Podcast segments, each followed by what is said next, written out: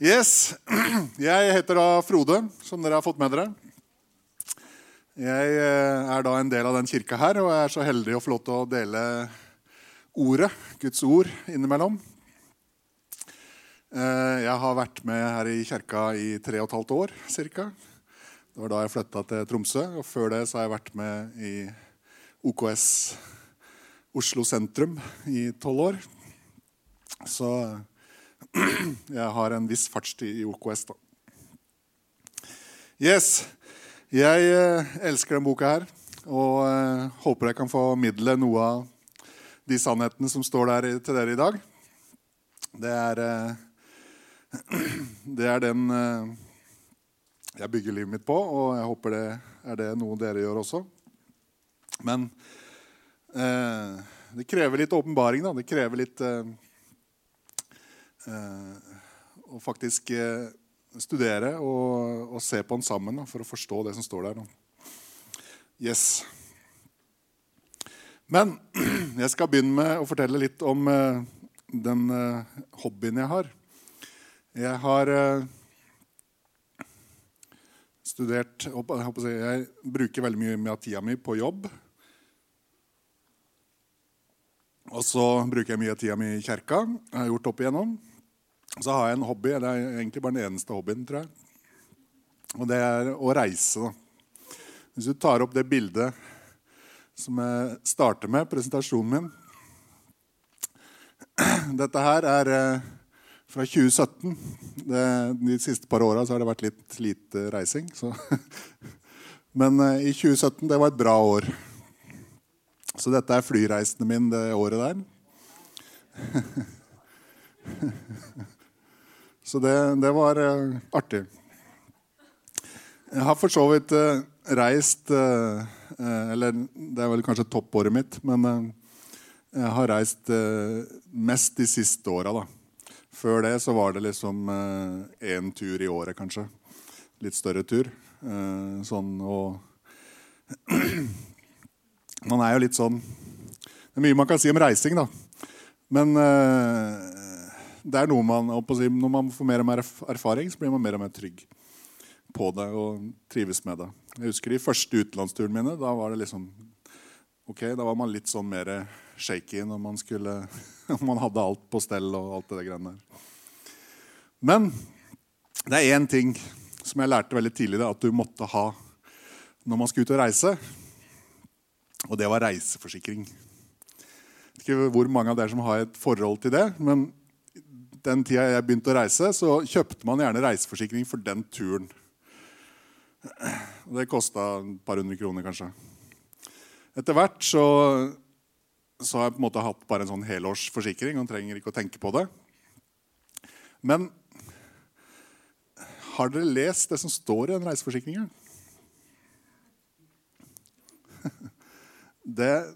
Som regel så leser man ikke den før man trenger det.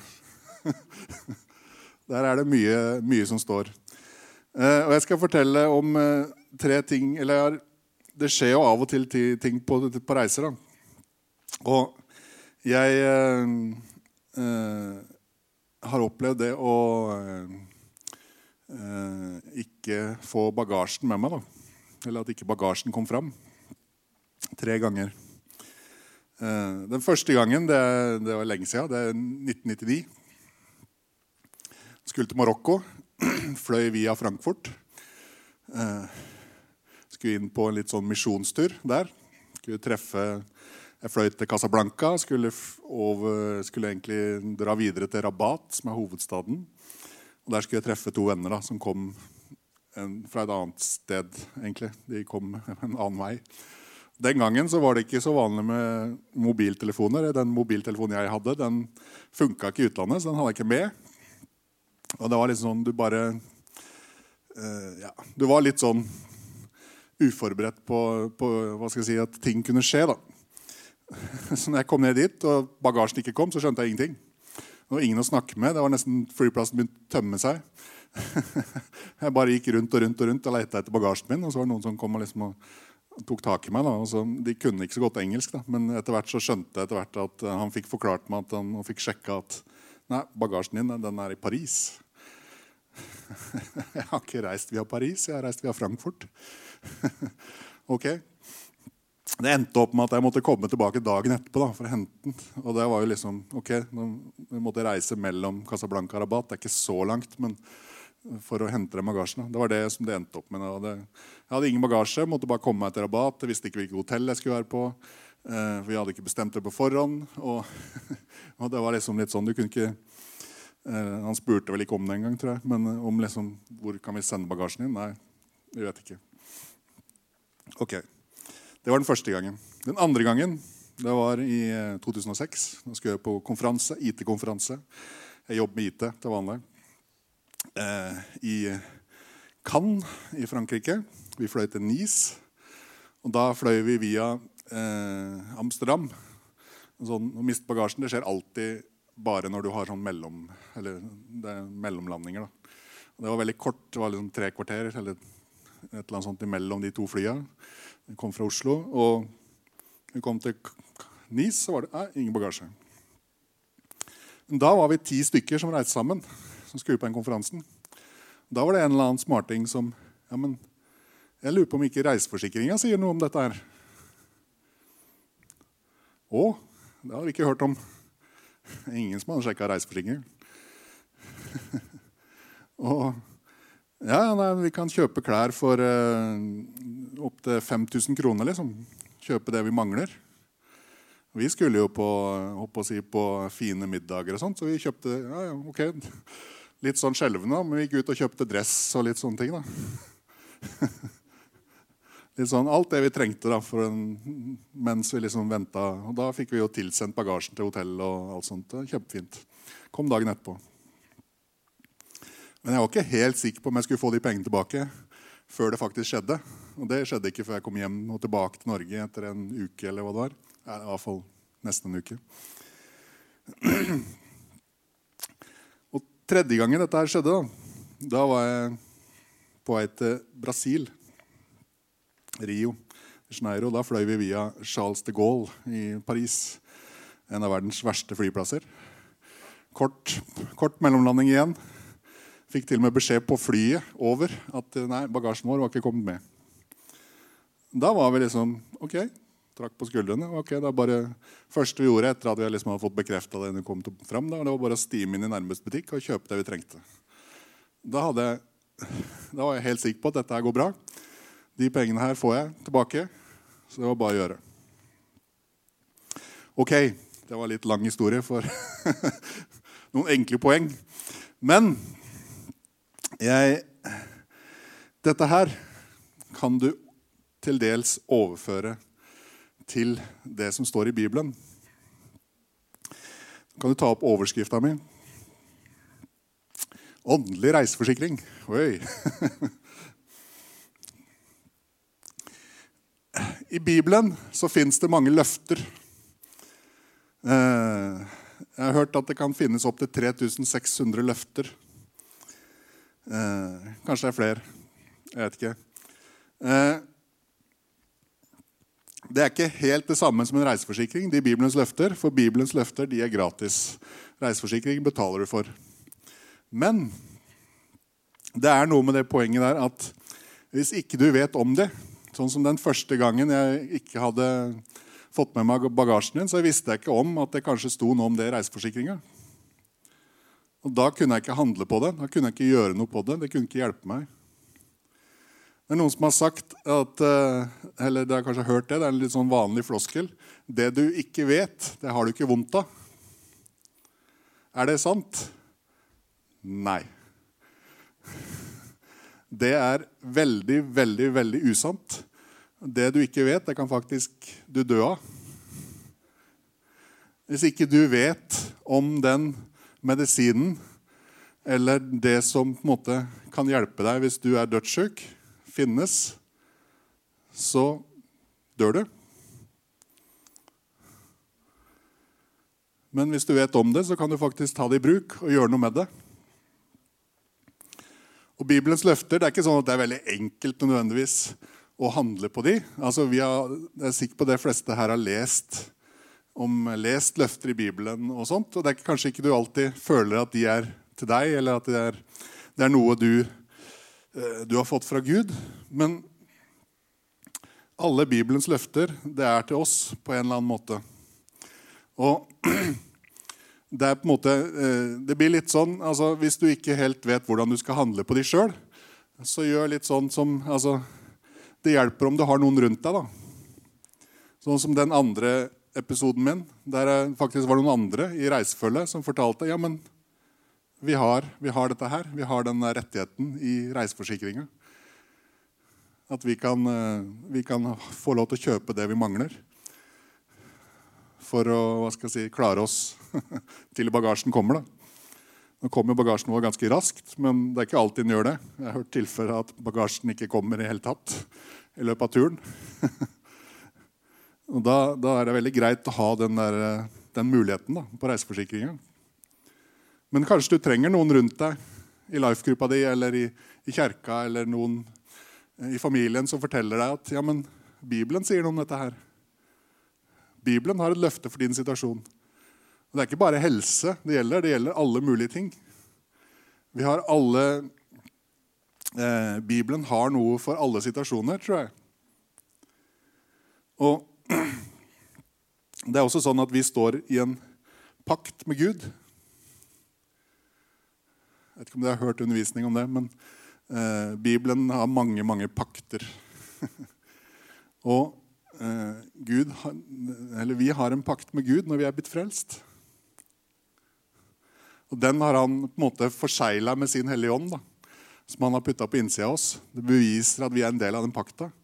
Og det er på en måte Gud som står egentlig på begge sider av den pakta. En original pakt så var det på en måte mellom to parter som på en måte eh, inngikk da en avtale.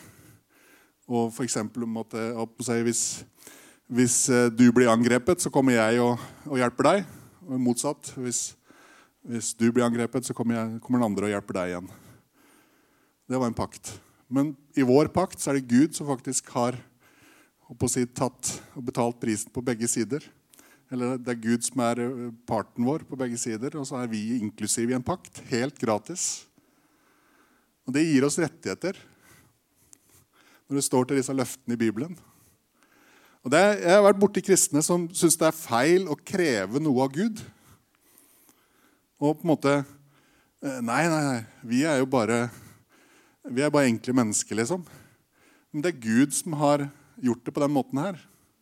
Han vil at vi skal kreve våre rettigheter fra den pakten hos han. Det er kanskje en uvant tanke, men, men eh, Jeg skal ikke prate om pakt, pakt, nå, egentlig, men det er bare noe som må henge sammen med disse løftene. Fordi når du begynner å erfare at løftene er sant, da, løftene er sanne Når du begynner å erfare at det Bibelen sier, er sant. At du kan handle på det som står der. De tinga som står om deg, og hva du har fått hos Jesus gjennom forsoningen, gjennom det Jesus gjorde på Golgata. Da blir du frimodig. Og da, da, da Jeg holdt å si baller det på seg. da, da er det enklere neste gang. Samme med den reiseforsikringa. Den tredje gangen da visste vi hva vi hadde rett på. Da bare var det full fart av gårde til nærmeste butikk for å kjøpe det vi trengte. Eh, fordi vi visste vi ville få de pengene tilbake. Og Sånn er det også med Guds løfter. Du trenger å erfare dem. Du trenger å på en måte få, eh, få det inn at, eh, at de virker. Da. Ellers er du ikke så frimodig. Ellers så tør du ikke å handle på det.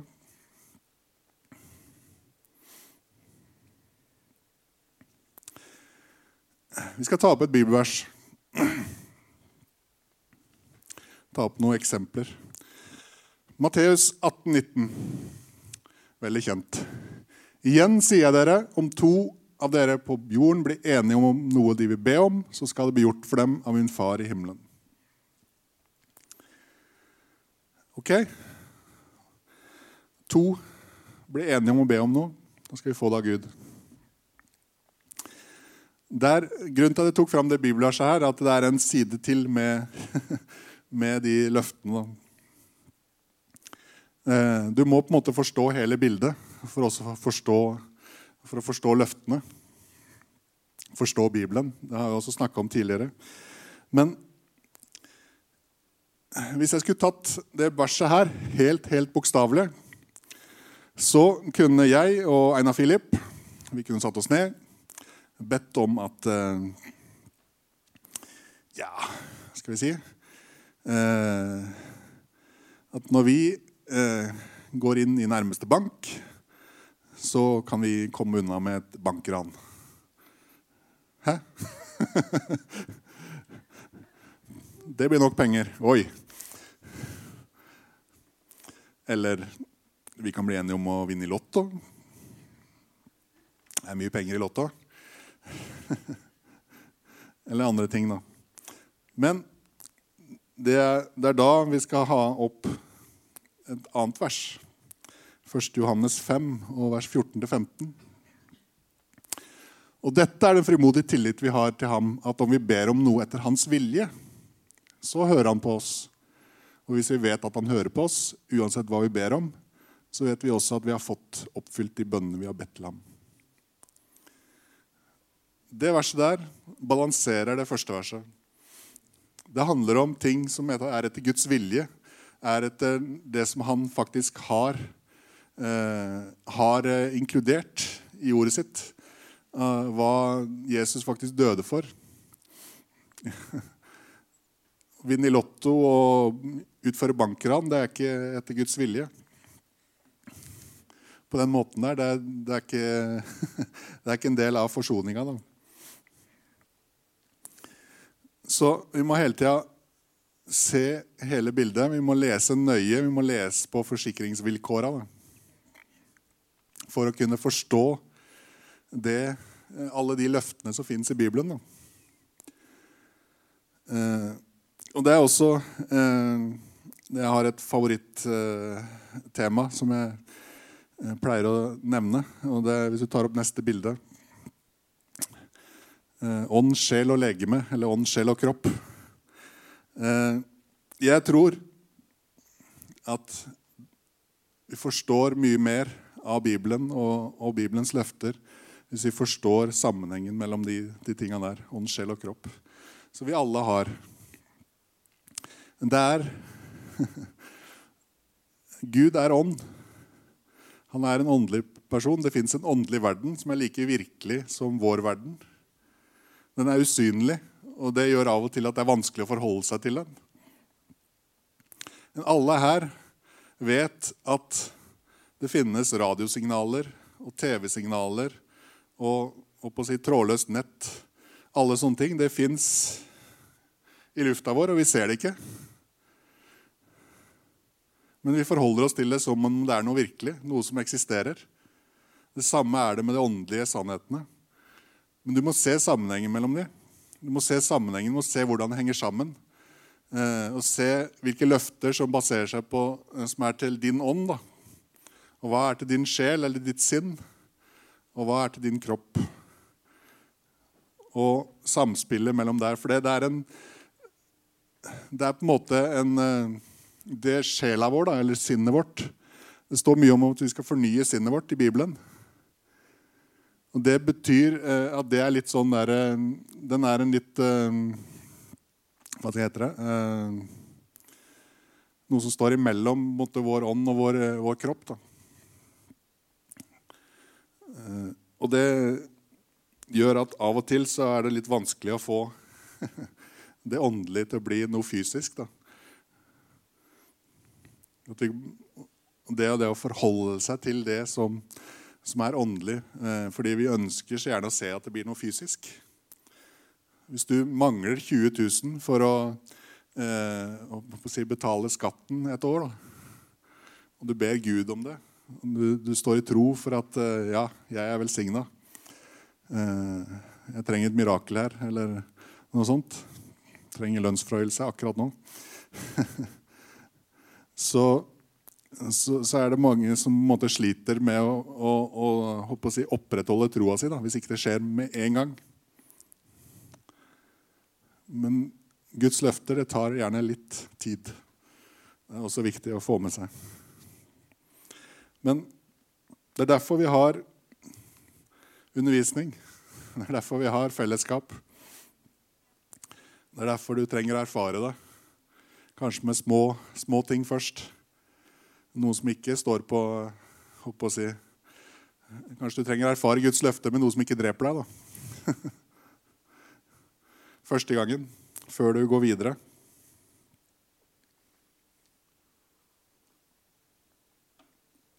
Utrolig greit med vann, altså. Yes. Men temaet er jo eh, å si, For tida er jo eh, Jesu kropp, Guds menighet. Så eh, jeg tenkte å ta et vers til, som er et løfte som eh, på en måte sier noe om eh, fellesskapet. Du tar opp Matteus 18,20. Det står egentlig rett i etterkant av det forrige. Da.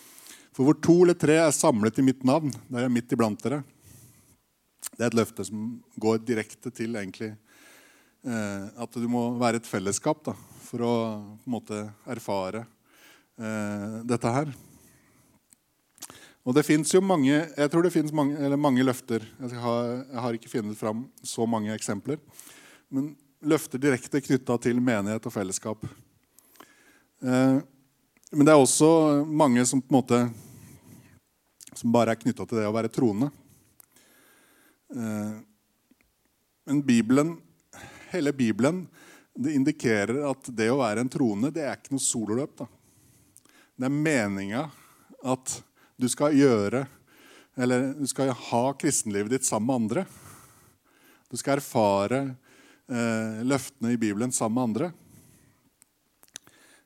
Kirka blir også kalt for familie i Bibelen. Det er en åndelig familie. Det er noe som holder sammen. Det er ting Du på en måte, du kan ikke erfare det alene. Du må erfare det sammen med noen andre. De rundt deg vil hjelpe deg til å erfare ting, hjelpe deg til å se ting, forstå ting. Og Det står om gaver i Bibelen. Åndelige gaver, nådegaver. Eh, og I 1. Korinter 14,12 så står det at eh, vi skal søke de som er til oppbyggelse for menigheten. Altså Det betyr at det Gud har gitt deg, det er noe som er til noen, de du er sammen med. Hele poenget med gavene er helt borte hvis vi ikke gjør det i fellesskap. Hvis ikke de er til fellesskapet. Altså det, er, det er ikke noe vits å ha gavene hvis du skal bare holde deg for deg sjøl det er alltid for andre. Vi er kalt til å være der for andre. Først og fremst for våre åndelige søsken. Være sammen om det. Men også for, for de som ikke tror. Det er mange ting som handler om at vi skal ut og dele det vi har fått, med de som ikke tror. De som ikke har, eh, eh, kanskje ikke har hørt evangeliet, eller har hørt det, men ikke har forstått det. Der er også en del løfter. da. Og så tenkte jeg litt på Paulus. Han er jo den hva skal jeg si, største utenom Jesus da, i, i, Bibelen. Det er han vi har hørt om. Det er han vi liksom veldig, kan lese veldig, veldig mye om. Fordi han skrev mange brev, men også fordi at mye av uh, apostelens gjerninger handler om han. Og Hvis du vil lese CV-en hans, så står den i 2. Korinterbrev 11, vers 22 og utover. Han, han gikk gjennom ganske mye, altså. Han, fikk, han ble piska mange ganger. Han ble steina. Han, ble, hva skal jeg si, han var gjennom stormer. Han, ble, han forliste på havet. Alt mulig sånne ting som han gikk igjennom for evangeliet sitt skyld. Da. Og Når du leser nærmere om Paulus, så ser du det at de første åra etter at han ble frelst, så virker det som han var ganske aleine. Det står noe kjapt at han var noen år i ørkenen. litt sånn. Det kan hende at han var der for å på en måte, søke Gud. Det er vi har absolutt tider at vi skal være aleine og søke Gud. Jesus også gikk for seg sjøl for å søke Gud. Men da først når Barnabas kom og plukka han opp, når de begynte å virke sammen, det var da det tok av på Paulus. Og Du ser gjennom alle brevene og hele historien hans at han har alltid folk rundt seg. Han har alltid et team med seg. Han sto sammen med noen. da. Han erfarte det kristenlivet sammen med noen. Jeg tror han erfarte de løftene han sjøl snakka om. Det var det, Derfor han skrev de ned. Fordi han erfarte det sammen med andre. da. Og Det var helt sikkert ikke bare han som var den, som var den store lederen som hele tida gikk foran og løfta de andre. Jeg er helt sikker på at de var med og løfta han når han var langt nede, når det var tøft. Og Der står det om og Dere kjenner jo de navnene. Det står om eh, Barnabas, Silas, Lukas, eh, Timoteus, Demas, Jason, Markus og mange andre. Og Det er så gøy å lese. Jeg, synes det, jeg har på en måte fått en åpenbaring bare å lese starten og slutten på hvert brev. For der står det hilsener. Det står hvem som var med å skrive brevet. Og det står hvem som på en måte han sender brevet til eller hilser til. da. Og Der hilser han til bl.a. husmenigheter og, og, mange andre. Og, og det, det, er mange detaljer der som, måte, eh, som er bare gøy å se. Da, for måte, Hvordan funka dette livet? Hvordan funka det kirkelivet i den første tida? Og I romerbrevet så hilser han til 26 navn. Og Mange av de navnene er på en måte lederne for den og den husmenigheten. Da. Eller det fellesskapet, eller familien. 26 navn. Hvis du skal bli foreldre forelder snart, så er det plenty av inspirasjon der, altså. bare å kjøre på. Og, men bare Altså De folka her 2000 år seinere så leser vi om de. Så det var, folk, det var ikke helt ubetydelige folk. Det var folk som Paulus på en måte, virkelig hadde gått gjennom ting sammen med. Som han hadde bygd kjerke sammen med. Han hadde eh, virkelig stått sammen, disse folka her, og, og, i gode og onde dager, holdt jeg på å si, for å, å erfare de løftene da, som Bibelen eh, eh, snakker om. Så Jeg tror det var sterke bånd mellom Paulus og de, de personene han nevner. da. Eh,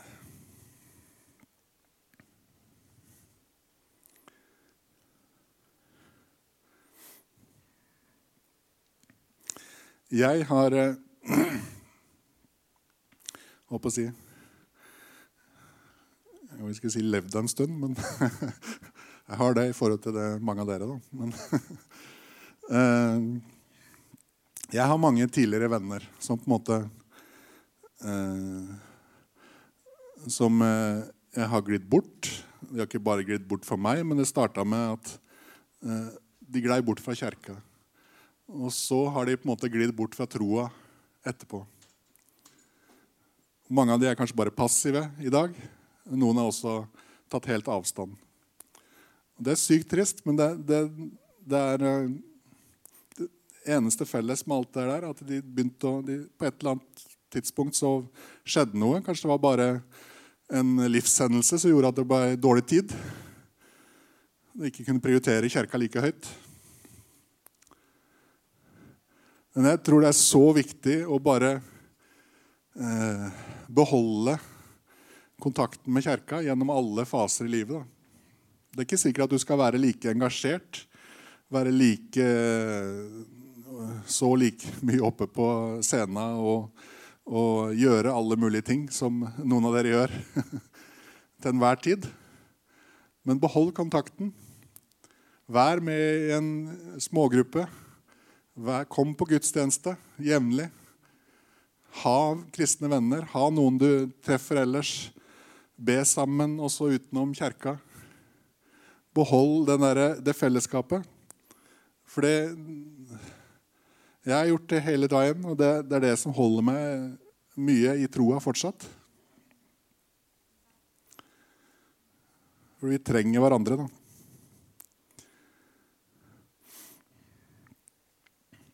Jeg skal ta noen bibelvers til slutt.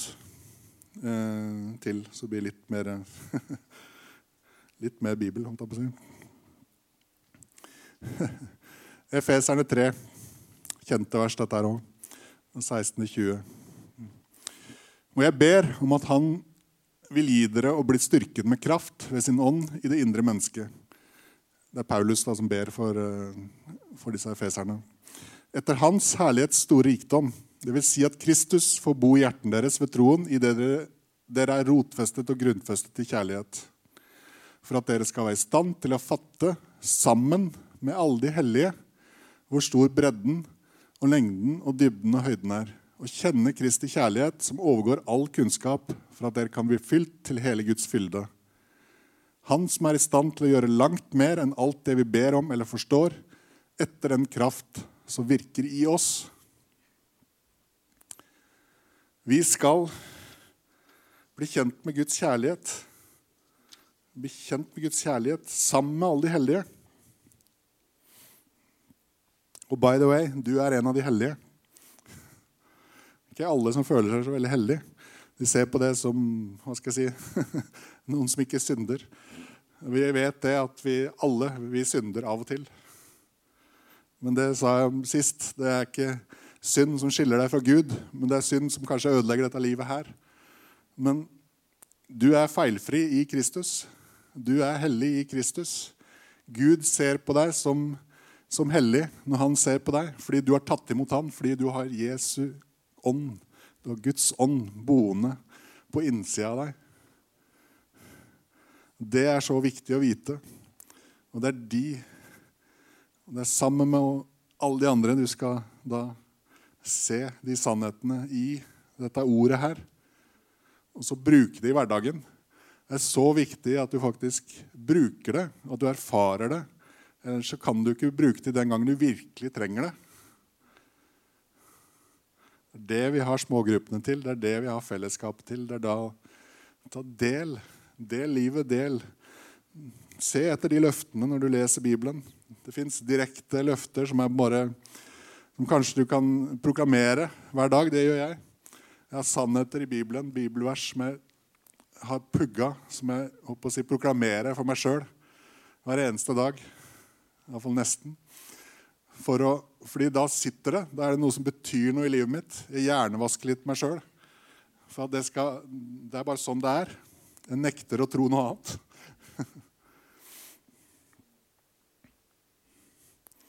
Så ta imot det, studer det. Ta til deg av løftene.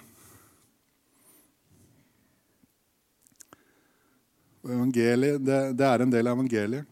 Evangeliet er at Jesus kom fordi denne verden var full av synd. Han levde et perfekt liv. Han, han eh, døde for all vår synd alle våre sykdommer, all vår skam. Og han sto opp igjen. Han knuste døden. Han knuste Satans makt. Men det er opp til oss å ta imot det. Du må ta imot det, og du må leve i det. Du må erfare det for at det skal virke.